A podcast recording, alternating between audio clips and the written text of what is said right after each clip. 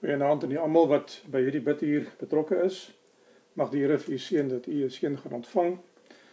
Vir diegene van u wat nie na die video kyk nie, maar na die net die klankbaan luister, ek het my masker opgesit en my vrou het gesê ek moet dit doen sodat u kan gewoond raak daaraan om te luister na my wanneer ek preek met hierdie mylband wat ek om my gesig het.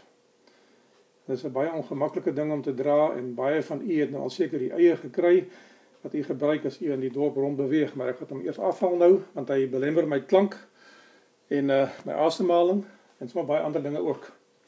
Mag die Here vir u seën dat u in hierdie tyd nog die steun van die Here sal ontvang en dat dit vir u spesiaal sal wees. Ek wil met u 'n boodskap deel vir ons bid hier vanaand vanaand met uh, wat getitel is ek gaan visvang.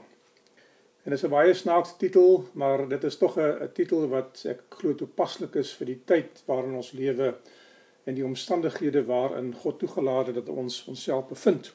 Jy kan die Bybels oopmaak by Johannes hoofstuk 7 en ek gaan vir julle daar enkele verse lees ter aanvang van ons boodskap. Johannes hoofstuk 7, die evangelie van Johannes. En ons gaan begin by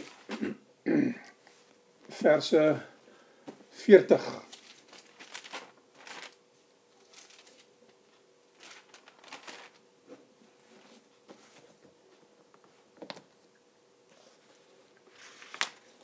Ek lees vir u. Die volk is verdeeld.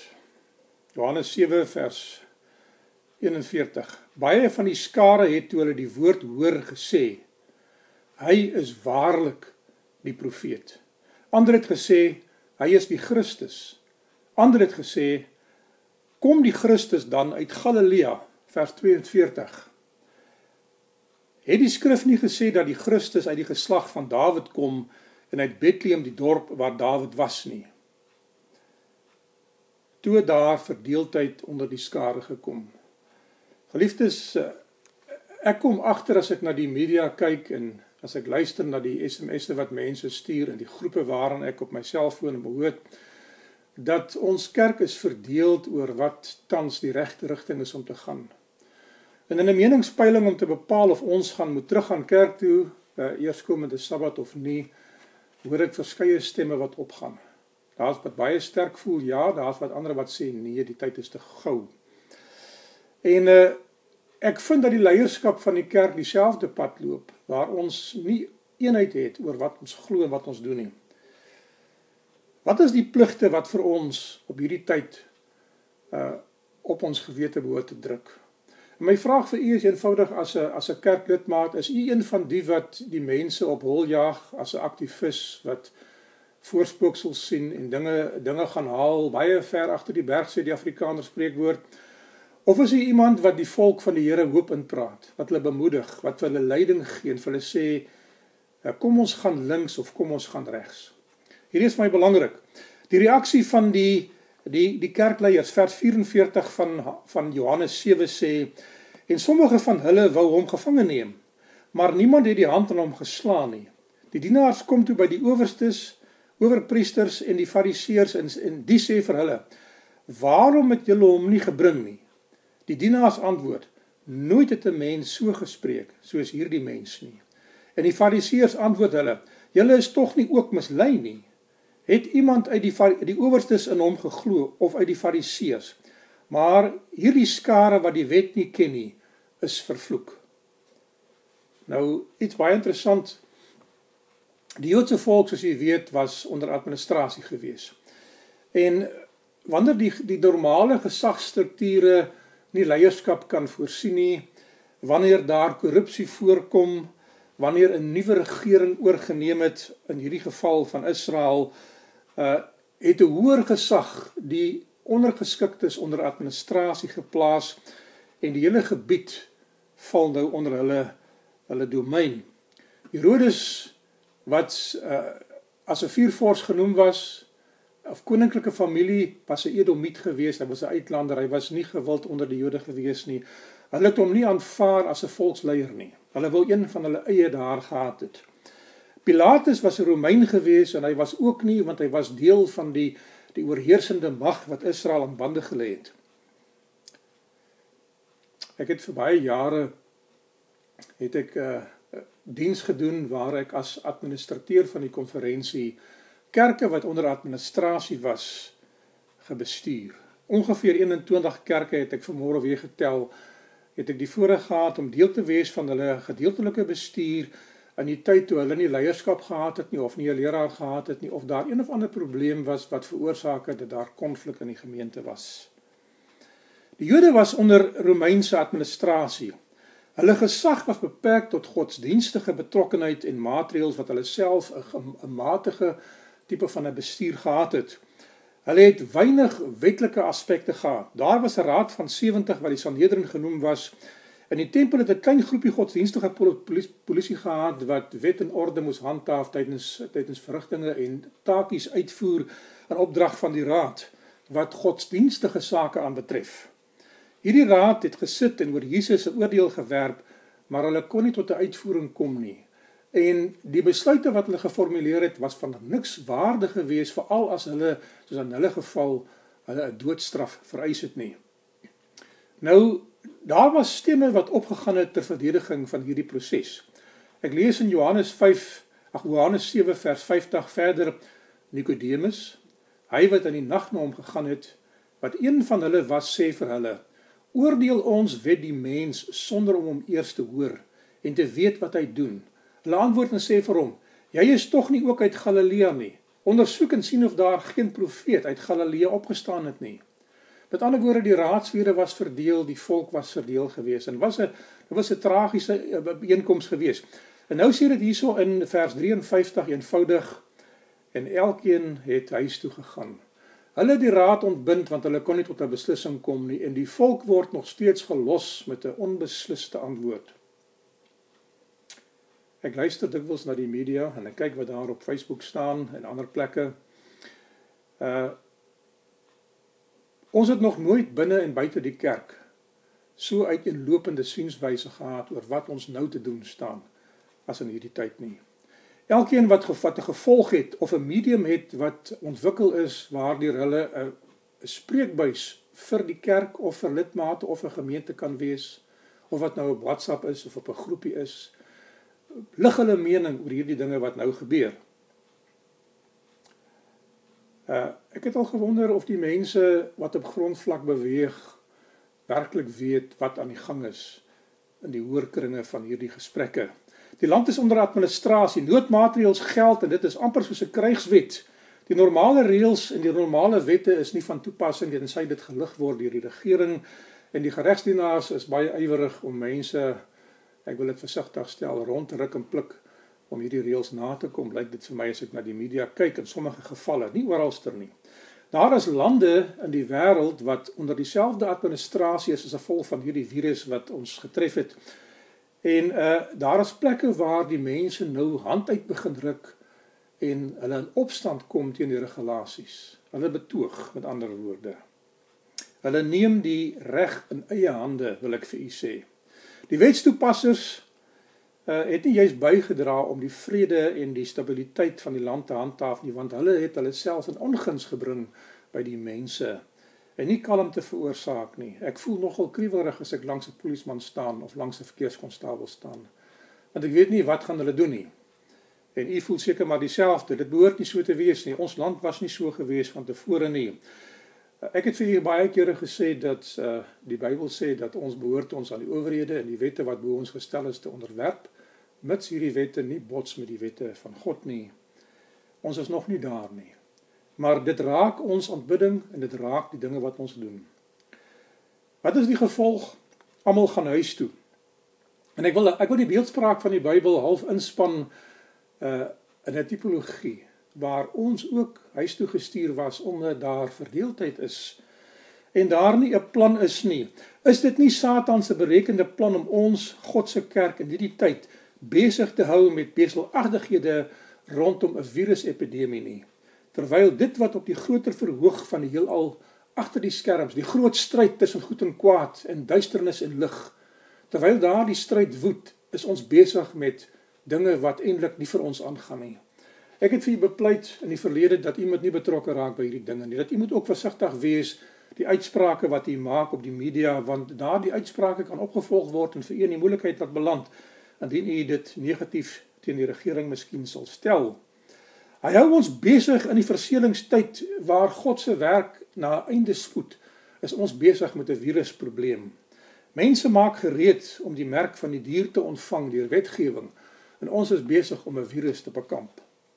Is hy nie besig om ons met ander dinge te bemoei sodat ons aangewese werk nie op hierdie stadium gedoen word nie. Daar is mense wat soek na waarheid. Daar is mense wat soek na lig.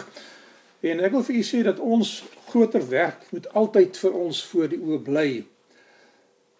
Ons is huis toe gestuur. Met ander woorde, ons is nie in beheer nie. Ons is nie betrokke nie. Ons word besig gehou terwyl ons onder administrasie is. Baie tragiese verhaal. Kom ek som vir u op die eerste gedeelte.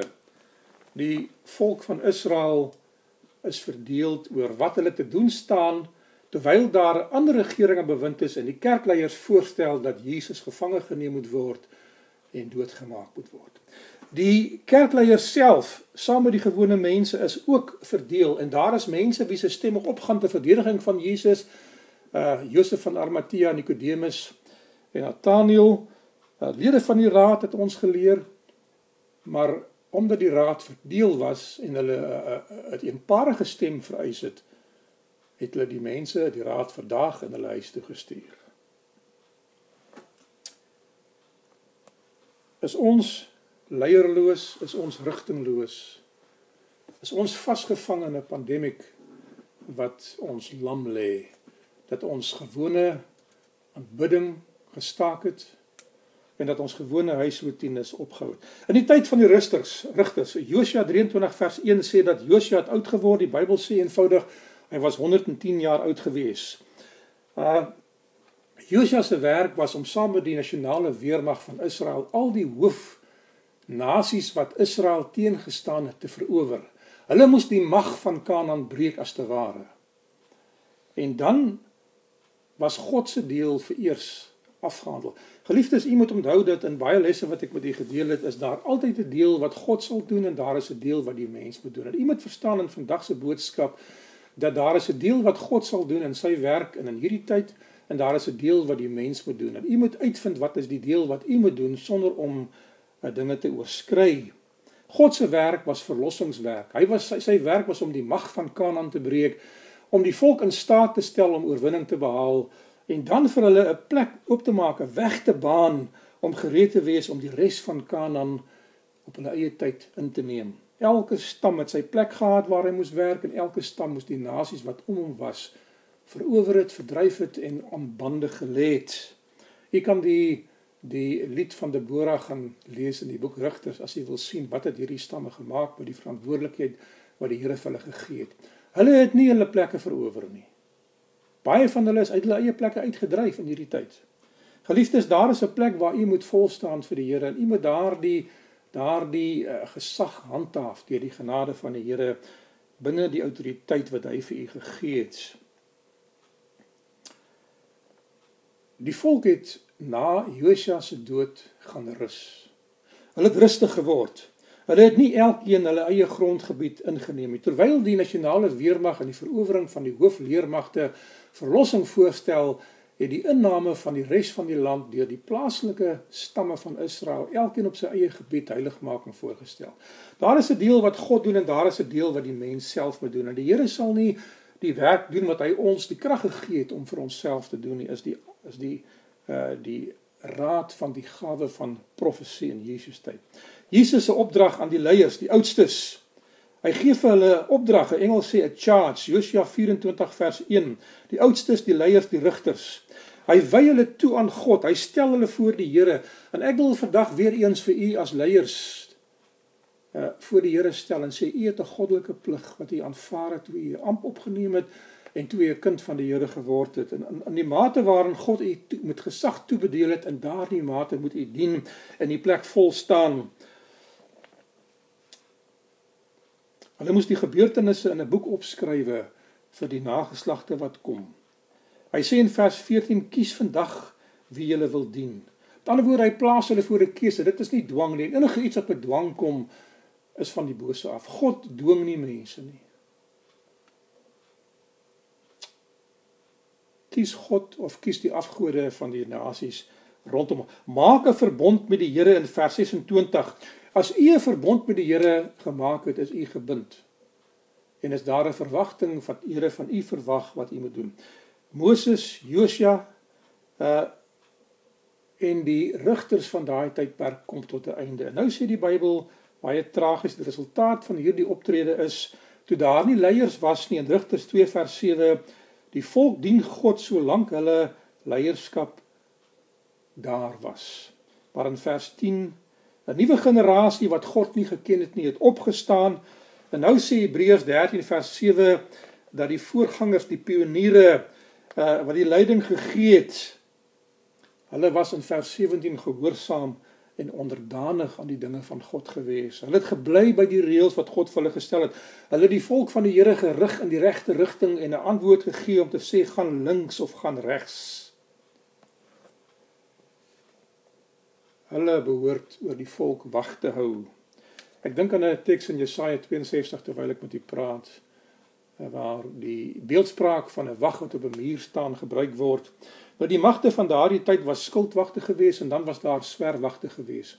Op die muur self het daar manne geloop rondom, maar by elke strategiese plek was daar 'n soldaat wat daar sy plek volgestaan het. En wat gemaak is die die hoof skildwag het na die eerste wag geroep en gesê is jy nog wakker Is jy nog daar? Is die muur nog veilig waar jy is? Dan het hy teruggeantwoord: Die muur is nog veilig, ek is nog wakker, ek is nog waar ek moet wees.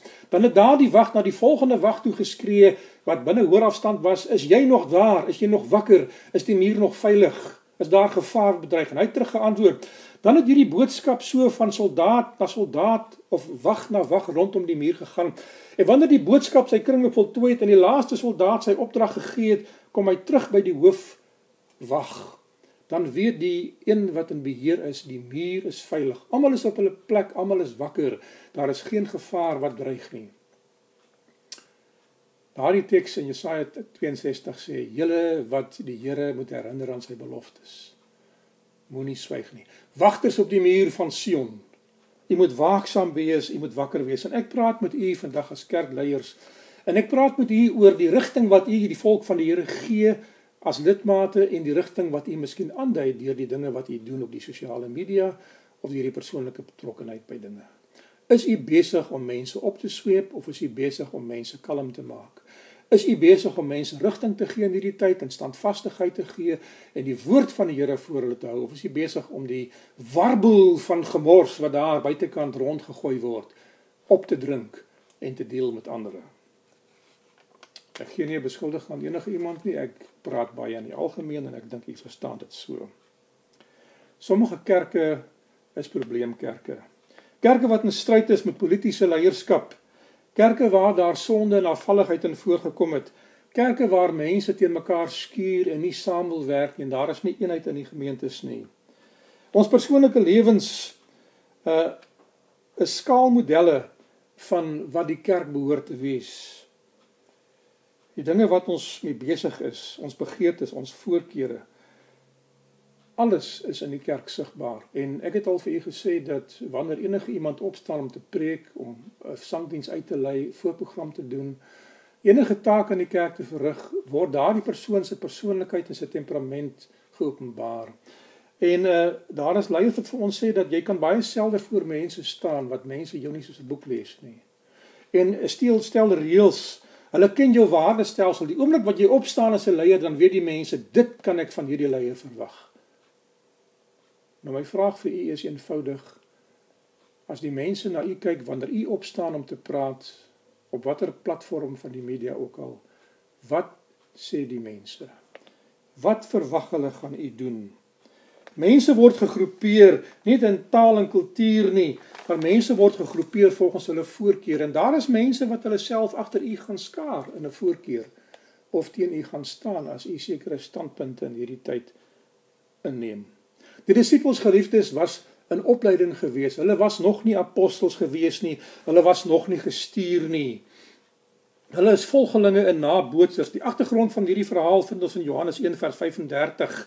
Johannes die Doper se oproep roer die mense tot aksie. Die mense hoor sy dringende boodskap. Hulle sê die tyd van die koninkryk van God het nabygekom en hy kondig aan dat die een wat deur vir geslagte lank en deur profete vir eeue lank voorspel was is op die voorhand om te begin en die skare kyk deur die mense is daar miskien iemand wat hy aanwys geliefdes daar is mense wat na u as leiers kyk om te bepaal wys u na iemand toe wanneer u praat om aan te dui wie is die een wat die leiding moet neem uh profesie is vervul. Die Heilige Gees oortuig hulle dat Johannes se boodskap is waar. Hulle hoor die aankondiging die Messias is onder hulle in Johannes hoofstuk 1 en hulle kyk rond. Maar waar soek hulle hom? Tussen die geleerdes, tussen die adelstand, tussen die mense wat wat gegoed is, wat mooi klere dra en, en groot some in hulle klere het. Hulle is gereed vir verandering. Hulle is gereed vir 'n revolusie as Johannes dit net sou wou voorstel. Dit was tyd vir hulle om aan boord te stap. Geliefdes, in hierdie stryd sal u moet besluit, gaan u saam met hulle wat vorentoe gaan of gaan u agterbly by hulle wat agterbly of gaan u tussen wees in die warboel van hulle wat nie weet watter kant toe om te gaan in hierdie tyd nie. Is ons vir Israel of is ons vir onsself? Het ons 'n eie agenda wat ons in hierdie tyd uh, uitspeel? Ons sit in 'n baie soortgelyke opset in hierdie tyd. Dit is 'n verkeerde tyd vir u om nou uit te sak uit die kerk van die Here uit. Want dit is 'n tyd vir die kerk van die Here om aksie te wees. Wat is hierdie aksie? Johannes se disippels, hulle word getrek deur Jesus. Hulle wat getrou was aan Johannes die Doper, voel iets trek hulle na Jesus toe. En hulle voel half skuldig aan loyaliteit. Daar gaan van u wees wat voel dat u gaan dalk u self of u kultuur of dinge verraai as u 'n sekere rigting ingaan wat die Bybel of die Gees en profesie of God dalk vir u aandui. Hulle sien hom Jesus doop.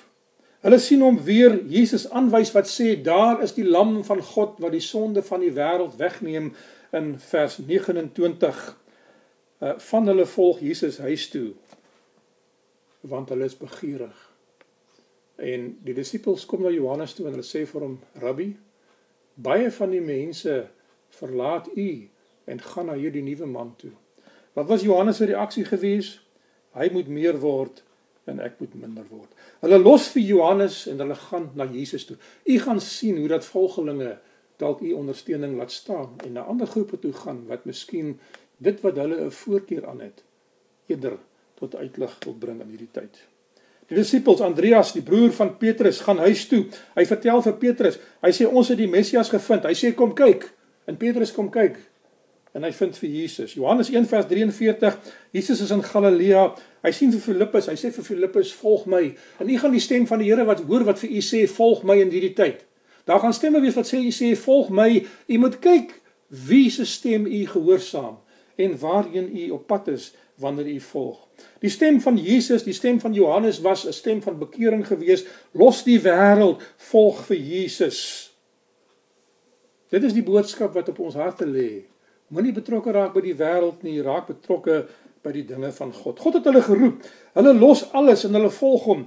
Hulle was vasberade en en en en voorberei deur die werk van die Heilige Gees. Hulle het gereageer op die Heilige Gees se stem En toe die groter oproep kom, volg my, was hulle gewoond om die stem van die Heilige Gees te gehoorsaam. Geliefdes, as u in hierdie tyd en ek in hierdie tyd nie die stem van die Heilige Gees kan onderskei van die baie stemme van die wêreld nie, gaan ons nie die groter stem van Jesus hoor wat sê staan op en volg my nou nie. Ek het 'n nuwe rigting wat jy moet inslaan en 'n nuwe aksie wat jy moet begin nie. As dit is wat die Here vir ons voorstel. Hulle was voorberei. Hulle was gewoond om te reageer As ons die werking van die Heilige Gees verhinder in ons lewens, gaan ons dalk nie die stem hoor wat sê gee tree vorentoe of gee tree links nie. Hulle was gereed gemaak vir verandering, maar die verandering wat gevolg het deur die werking van die Heilige Gees. God roep ons, ons reageer deur bekering. God verkies ons wat reageer deur aanneming. Dit is hoe aanneming werk sover. Hulle wat self na Jesus gekom het, daar was mense wat gekom het informeel wat die stem van die Heilige Gees gehoorsaam het. Daar was hulle wat uitgenooi was uh formeel. Filippus moet vir Nataneel gaan gaan roep en ander uh Johannes gaan roep vir Petrus. Ag ja. Andreas gaan roep vir Petrus. Daar is hulle wat met die Here geredeneer het soos Nataneel. en oortuig moes word van die waarheid. Daar gaan sulke mense wees wat nie die evangelie boodskap of die oproep van Jesus in hierdie tyd erken nie, maar eers dit uitredeneer. Jy moet met ons geduldig wees wanneer ons so maak. Rig die uitnodiging aan mense en laat die gevolge aan Jesus oor. Dit is nie u werk om mense te oortuig in hierdie tyd nie. Filippus roep van Nathanael, 'n prokureur, 'n raadslid, 'n owerste, sy vriend wat 'n skrifgeleerde is. Hy sê ons het hom gevind van wie die skrif in die profesie getuig. Nathanael wil oortuig word uh in detail. Hy wil op prokureursbewys sien. Hy is gewoond om met met met bewyse te werk. Hy wil die skrif ondersoek. Hy wil argumenteer, hy wil oortuig word. My vraag vir u is eenvoudig: watter tipe van hoorder is u vir oggend? Het die Heilige Gees reeds die aanwerk aanvoerwerk gedoen? Uh, vat dit meer van mense om u te oortuig in 'n sekere rigting? Of is dit een soos Thomas wat altyd die verkeerde dinge glo eerste voordat ons oortuig is? Jy moet nie in hierdie tyd toelaat dat Satan na u toe kom met dwaalleer nie. Hierdie is 'n verskriklike vrugbare tyd vir dwaalleer. In hierdie tyd kan dwaalleer seefuur want die kerk en die leiers van die kerk is rigtingloos rondom hierdie ding wat ons nou 'n krisis in ons lewens het. Matteus 4 vers 18 Jesus loop langs die see Andreas en Petrus is by die nette. Hulle die die die oproep gehoor, maar hulle het nie volmeel die oproep ontvang om te volg nie. Nou sê die Here vir hulle: "Volg my. Laat staan julle nette en kom saam met my." U sal in hierdie tyd die stem van die Here ook hoor wat vir u sê: "Laat staan wat jy besig is om te doen en kom en volg my want die tyd van die einde het aangebreek. Die tyd wat ons van geslagte lank reeds met julle gedeel het." Daar is mense wat gereed is om alles te los en die Here te volg. Daar is mense wat nie gereed is om alles te los nie. Wat eers 'n paar dinge moet gaan regmaak, soos die man wat gesê het toe die Here vir hom sê volg my uh of hy het gesê vir die Here, ek sal u volg waar u ook al mag heen gaan. Maar laat ek eers my vader gaan begrawe. Ander een het gesê laat ek eers my mense gaan groet. En die Here het vir hulle gesê as jy jou hand aan die ploeg slaan en terugkyk agtertoe, is jy nie geskik vir die koninkryk van die hemele nie. Geliefdes, dit het tyd geword vir ons as 'n kerk om alles te los en ons aan die kant van die Here te skaar sodat hy vir ons kan aandui wat ons moet doen en waar ons dit moet doen en wanneer ons dit moet doen. Matteus 4 vers 21 Johannes en Jakobus is by hulle pa, hulle los hom. Sommige word deur familie teruggehou, deur ouers, deur lewensmaats, deur kinders, deur vriende. Is daar 'n verhouding wat u verhinder om die Here te volg in hierdie tyd? En ek wil nie vir u sê wat u moet maak nie, maar ek wil vir u sê wat die Here vir Abraham gesê het en ek het al hierdie preek met u gedeel. Die Here sê in Genesis 12 vir Abraham: "Gaan uit jou volk, gaan uit jou familie, gaan uit jou vader se huis, na die land wat ek jou sal aanwys." En die Here sê vir hom basies in tegniese term: "As jou familie nie wil verder gaan nie, want Naarot is stad gebou, wil nie verder gaan nie. Haran is dood langs die pad." En uh nou moet Abraham by hulle bly. Die Here sê jy is nog nie waar jy moet wees nie. Voltooi die reis. Ek wil vir u uitnooi voltooi die reis. Die geheim. Hulle wat die doper se boodskappe gereageer het, was gereed vir die hoë roeping van Jesus toe dit tot hulle gekom het op 'n later stadium.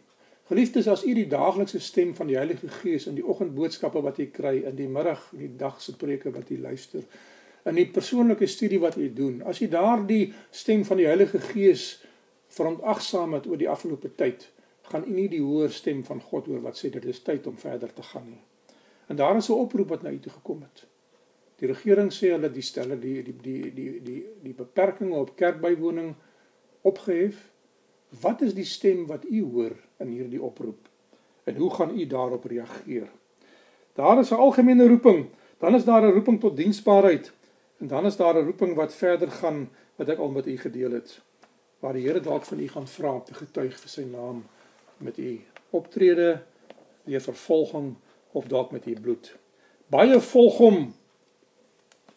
Matteus 4 vers 18 sê dat daar was 'n menigte mense wat Jesus gevolg het en baie van hulle het uit die aard van die saak Johannes die Doper verlaat.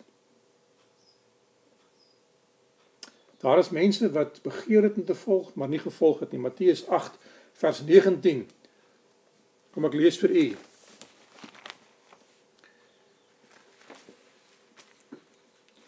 Matteus 8 vers 19. Gee so 'n bietjie verdere insig in hierdie verhaal wat ek met u deel vandag.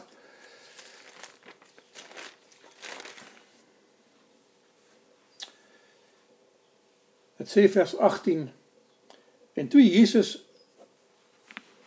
groot menigtes rondom hom sien, het hy hulle bevel gegee om te vertrek na die oorkant. En 'n sekere skrifgeleerde het gekom en vir hom gesê: "Meester, ek sal u volg waar u ook al mag gaan." En Jesus sê vir hom: "Die jakkalse het gate en die voëls van die hemel het neste, maar die seun van die mens het geen plek waar hy sy hoof kan neerlê nie." En 'n ander een van die disippels het vir hom gesê: "Here, laat my eers toe om my vader te gaan begrawe."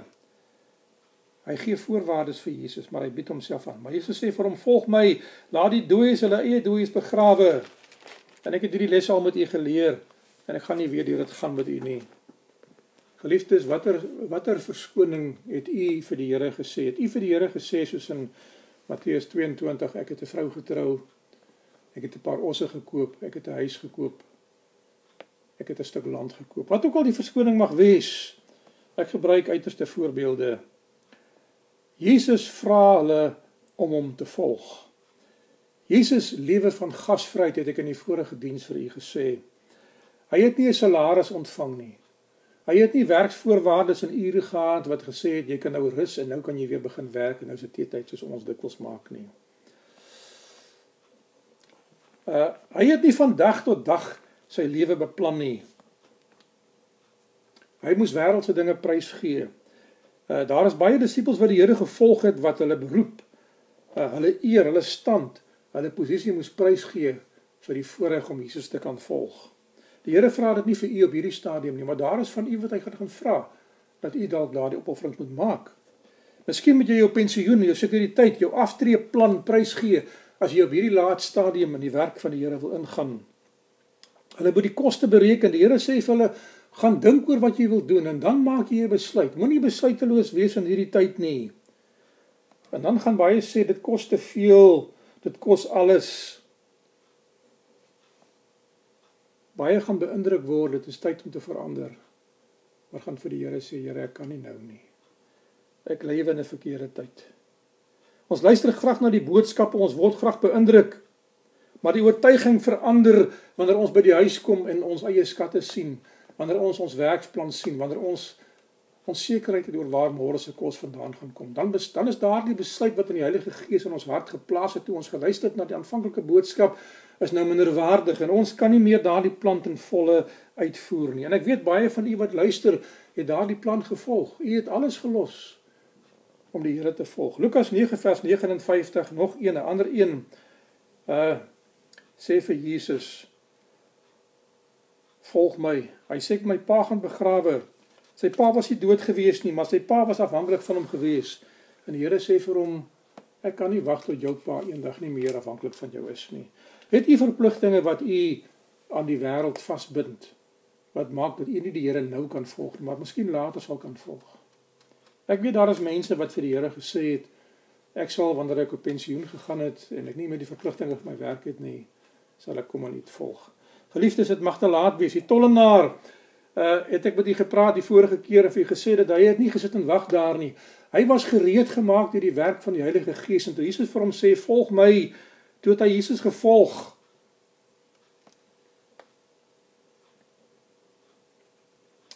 Daar is diegene wat die Here nie geroep het nie. Wat die werk van God vertraag het, wat onrus en twyfel in die harte van die disippels gesaai het wat as die Here 'n plan voorgestel het, het hy iets ingegee wat die res onseker gemaak het en rigtingloos gemaak het. Ek lees in Koning van die Eeue dat dikwels en meer as dikwels het die onmin wat onder die disippels en die wetywering wat onder hulle ontstaan het, was die gevolg van Judas se optrede en sy intrede.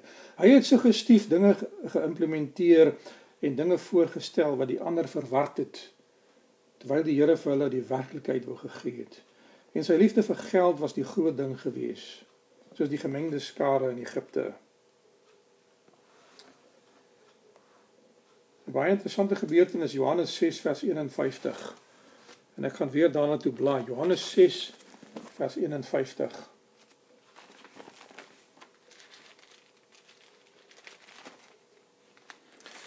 Wat sê die Here hierso? Hierso hier's 'n verhaal wat u dalk met op op ag slaan.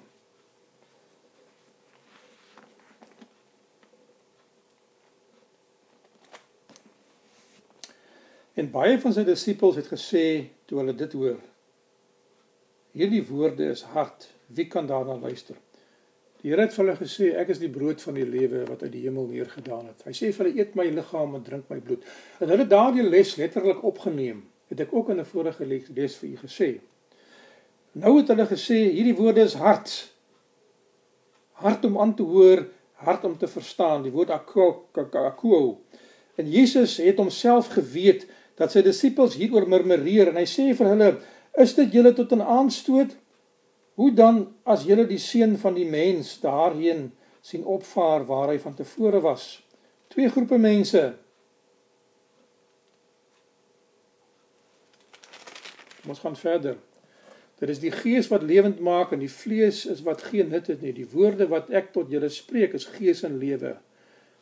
Maar daar is sommige van julle wat nie glo nie. Want Jesus het van die begin af geweet wie hulle was wat nie geglo het nie en wie hy was wat hom sou verraai.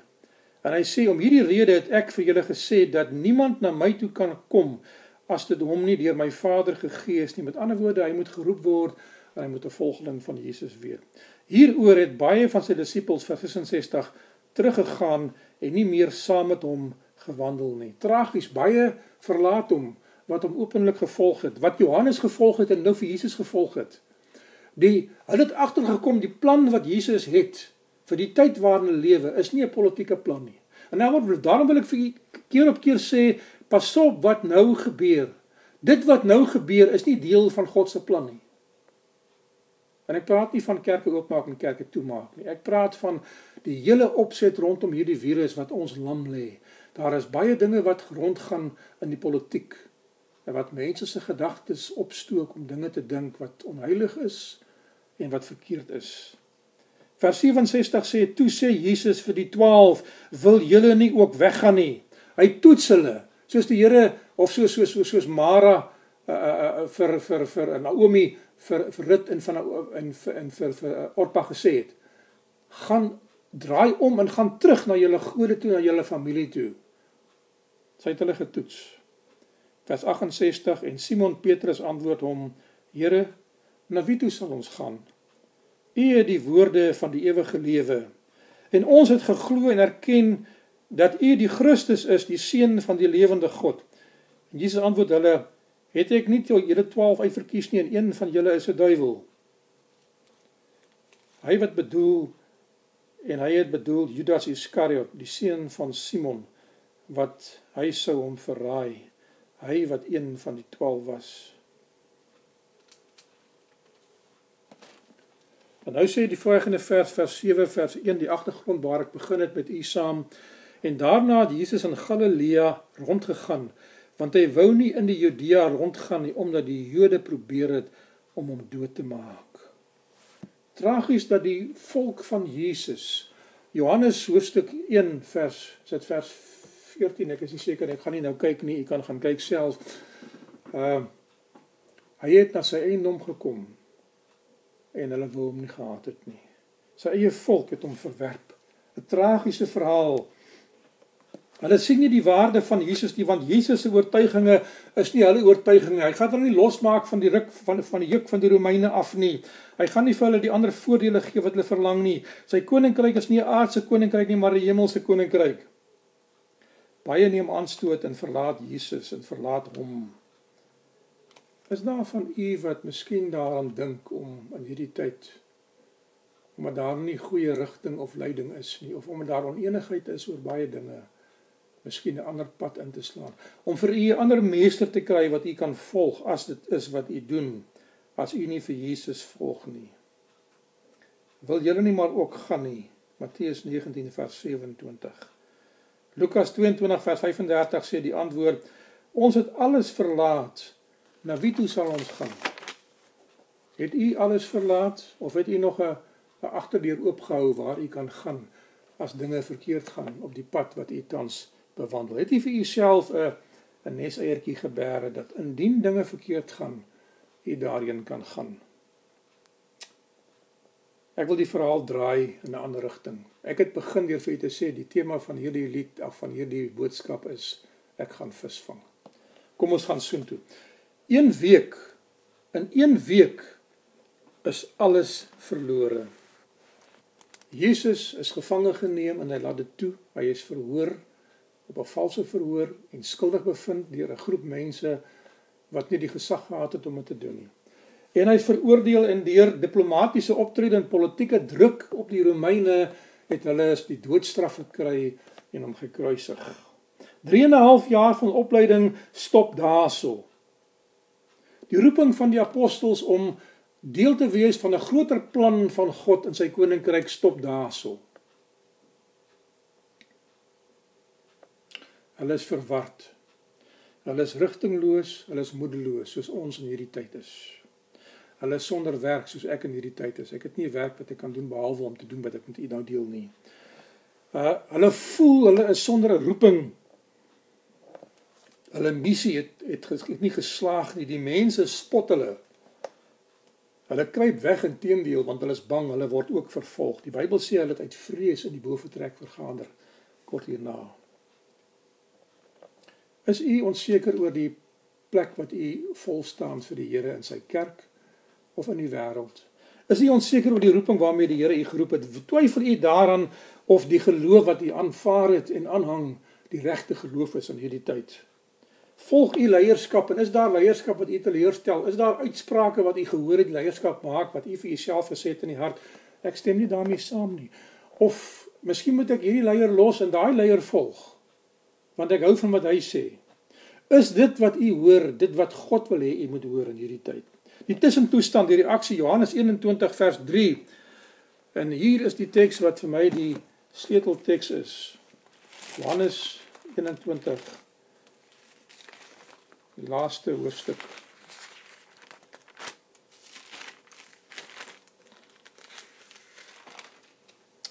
Dit sê die verskyning van Jesus by die see van Tiberias.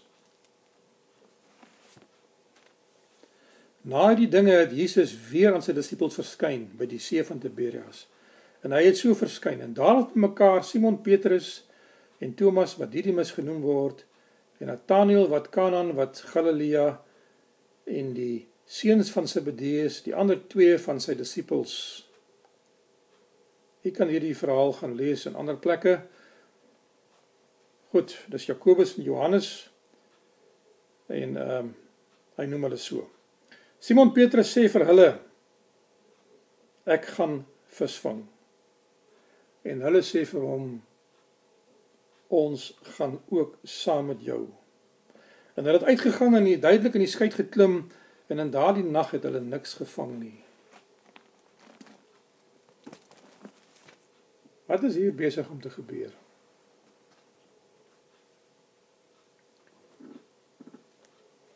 Hulle was nie besig om tyd te verwyl nie. Het u in u lewe 'n tyd gehad wat u net so bietjie weggeraak het uit die amp uit? bietjie u verantwoordelikhede op sy gesit en gesê het ek wil net so bietjie in 'n ander rigting gaan om weer perspektief te kry. Johannes 21 vers 3 sê Petrus ek gaan visvang en die ander sê ek gaan saam met hulle. Het u nodig om vir 'n tydjie weg te breek en te gaan visvang as dit is wat u doen? Nou hierdie is nie 'n tyd verwyl nie. Hulle gaan nie iets doen terwyl hulle wag vir iets anderster om te gebeur nie. Hulle het niks om te doen nie want hulle weet nie wat hulle moet doen nie.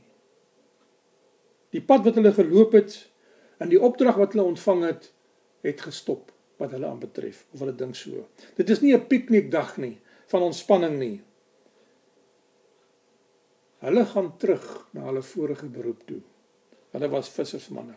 Hulle sê alles is verlore, die span is leierloos. Ons wat die kabinet is van die eerste minister is nou ontbind. Jesus het nie 'n opvolger of 'n leier aangedui nie. Alhoewel daar sekere van hulle was wat dikwels die leiding geneem het, soos Petrus. Is nie vir my snaaks dat hy die een is wat sê kom ons gaan vang vis nie.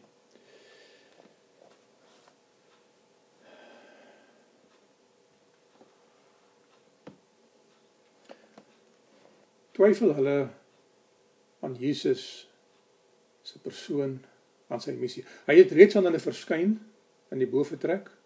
Hy het hulle moed ingepraat. Maar hy het nie vir hulle 'n spesifieke opdrag gegee nie. Hy het nie vir hulle raad gegee wat is die pad vorentoe, wat hulle nou moet maak nie. Hy het nie vir hulle gesê hoe profeseë mekaar inskakel in hierdie tyd nie.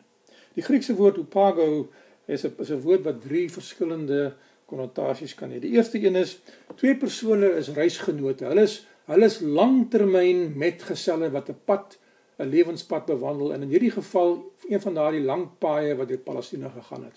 En nou kom hulle by 'n plek waar die pad vruk. Hy gaan links en hy gaan regs verby. Dis 'n pad wat hulle moet skei en hulle moet besluit en hulle sê vir hulle self ons kan nie altyd op dieselfde pad gaan nie. Ons pad skei hierso. Hierdie woord upago beteken die die disippels kom by 'n plek waar hulle pad nou skei van die pad wat hulle op was. Hulle gaan nou in 'n ander rigting. Hulle beweeg weg van dit waar hulle uh ongewoond was. Hulle metgesel gaan nou op 'n ander pad wat Jesus is. Die tweede betekenis. Dit is nie 'n ingewing of 'n oombliklike besluit nie. Dit is iets wat gedoen word na 'n goeie oorweging, 'n finale besluit nadat jy 'n saak lank oorweeg het. Dan sê jy, "Oké, okay, my gevolgtrekking is dit. Ek gaan dit nou doen." En dan doen jy dit. Hierdie is die tipe van besluit wat Petrus maak as hy sê ek gaan visvang. Hy het lank daaroor gedink en nou sê hy ek gaan visvang. Wat is die besluit wat hy maak? Hy sê ek bedank. Ek gee op om 'n disipel te wees. Die derde betekenis dat hierdie was nie 'n tydelike ding nie. Hy het nie vir hulle gesê luister terwyl ons nie weet wat aangaan nie, terwyl ons nie weet waar die Here is nie, wanneer die Here het gekom en hy het verdwyn weer met tye. Uh wat moet ons maak? Ons weet nie. In die tyd van die oorloë het die oorheersende nasies die leierskap uitgehaal uit die gevangenekampe van die keisergevangenes uit sodat daardie mense wat agterbly leierloos kan wees. As mense leierloos is, soos in die tyd van die rigters, dan heers daar chaos en wanorde. Hierdie is nie 'n tydelike besluit nie, dit is 'n permanente besluit. Ek gaan visvang vandag en môre en vir die res van my lewe. Nie net een keer nie. Ek verander my beroep. Ek was 'n ek was 'n visser van vissers gewees. Nou het ek 'n visser van mense geword in die diens van die Here, maar die Here is nou dood, hy het opgestaan en ek weet nie wat aangaan nie. En nou gaan ek maar aangaan terug na my vorige beroep toe. Ek gaan weer visvang. Matteus 4 vers 19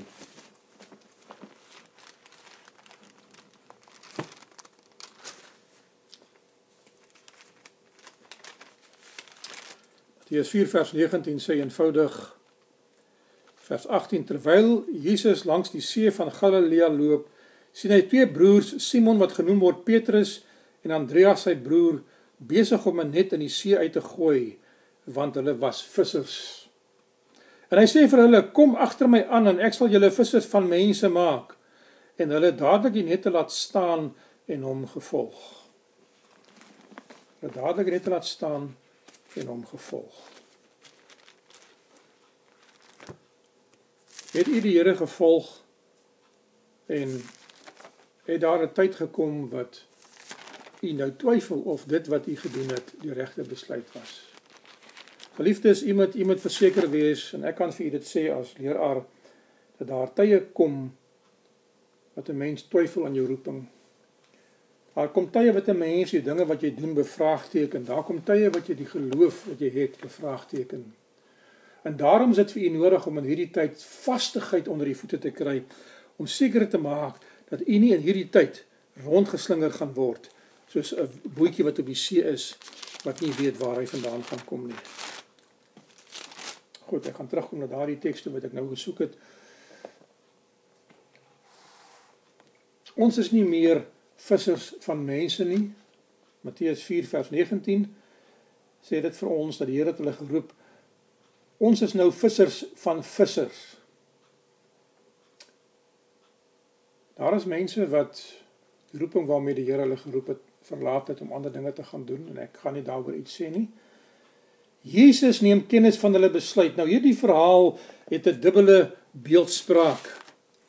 U sal onthou dat toe in die begin hy vir hulle uitgestuur het. Die eerste visvangs in Lukas 5 vers 11 vertel dit vir ons 'n interessante verhaal dat die disippels gaan uit te gaan visvang. Hulle is die hele nag op die op die op die op die meer en hulle vang niks nie en die Here sê vir hulle gooi die net uit aan die ander kant van die boot aan die begin van hulle bediening. En daar het 'n wonderwerk plaasgevind. Nou is hulle aan die einde van hulle bediening en hulle gaan weer terug om te gaan visvang. Hulle gaan hulle 'n bietjie inkomste nodig en uh hulle is onseker en terwyl hulle onseker is wat hulle moet maak, gaan hulle en hulle besluit hulle gaan terug na hulle vorige beroep toe. Jesus neem kennis van daardie besluit. Hy sien hulle in die nag uitvaar met die bootjie oor die meer. Hy sien hulle net uitgooi soos hulle gewoond was en hulle was vissermanne van formaat gewees. Nou die die meer van Galilea het baie helder water. Jy kan nie in die dag met 'n net, 'n werpnet visvang en suksesvol wees nie. Daarom vang hulle in die nag vis, want dat die visse nie kan sien in die donker nie. Jesus weet hoe hulle voel in hulle harte. Jesus het seker maar 'n gebaar met sy hand gemaak of 'n woord gespreek of of deur 'n goddelike ingryping verhinder dat die visse wat op 'n natuurlike wyse in die nette sou inswem nie ingegaan het nie. Hulle is die heel nag uit, hulle vang nie 'n enkele vis nie. Hulle vorige beroep laat hulle in die steek. Hulle voel soos 'n mislukking. Nou is hulle nog meer moedeloos en meer verward en meer rigtingloos as wat hulle gewees het na die kruisiging. Hulle het 'n Jona ervaring. As jy van Jesus af wegvlug, laat die Here dikwels toe Ek sien nie beplan dit nie, maar ek sê hy laat dikwels toe dat jou beroep jou faal sodat jy jou afhanklikheid van God kan besef en kan besef jy's op 'n verkeerde pad. Baie mense verlaat of hulle probeer om die roeping waarmee die Here hulle geroep het prys te gee in tye van krisis. Moses toe hy die Egiptenaar doodgemaak het, vlug na Midian toe en hy sê vir homself, dit is klaar, ek gaan nie weer terug nie, my plan van God het misluk. Daar's nie 'n plan vir my nie. En die Here los hom. Die Here lei hom op vir nog 40 jaar in die skool van Midian met skape en toe roep die Here hom terug. Elia het by die plek gekom wat hy vir die Here gesê het, Here, ek het alleen oorgebly. En hy vlug van Karmel af weg na die berg van God, toe die berg Horeb toe. Waar die Here vir hom vra, Elia, wat maak jy hier? Ek is nie klaar met jou nie. Gaan terug en gaan maak die werk klaar wat jy gemaak het. Jona het gevlug na Tarsus toe. Of hy het probeer. En die Here draai sy lewe onderste bo. Hy beland in 'n vis, word uitgespoeg op die watergrond en hy moet teruggaan na Ninive toe waar die Here hom gestuur het. Die disippels het daar dieselfde ervaring gegaan waar hulle uh uh moedeloos geword het en sê het ons gaan terug na ons vorige beroep toe. Liefdes, daar gaan tye kom wat u in die laaste tyd van hierdie wêreldse stryd gaan voel dat u wil omdraai en terugkeer. Paulus, gelukkig in in in die boek uh, uh Timoteus skryf hy vir jong Timoteus, hy sê Ek het die goeie stryd gestry, ek het die wedloop volëindig, ek het die geloof behou. Ja, daar was 'n tyd as ek in die gawe van profesie lees in die boek Handelinge van die Apostels wat Paulus daaraan ernstig gedink het om dit om om te draai. En die roeping wat die Here hom mee geroep het te versaak, maar hy het volhard. Hy het volhard, hy het nie teruggeduins vir die vervolging wat voor hom stel nie.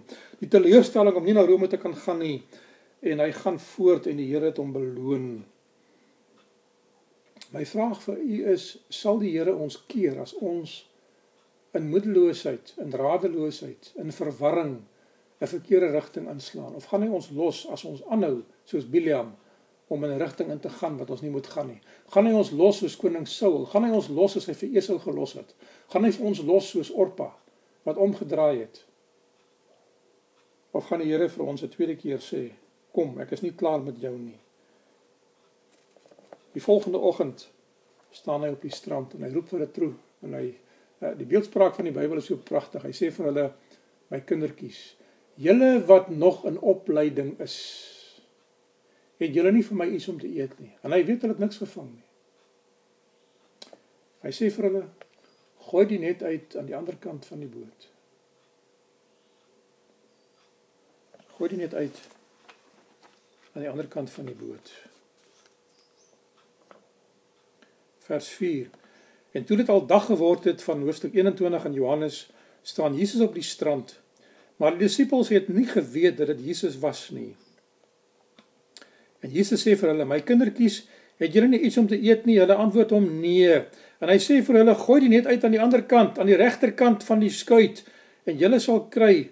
En hulle het toe gegooi en deur die menigte van visse was hulle nie in staat om dit op te trek nie. Daarop sê sy disippels, die een vir wie Jesus liefgehad het aan Petrus, dit is die Here. En Simon Petrus hoor dat die Here was, God het sy boekleed om want hy was naak en werp homself in die see.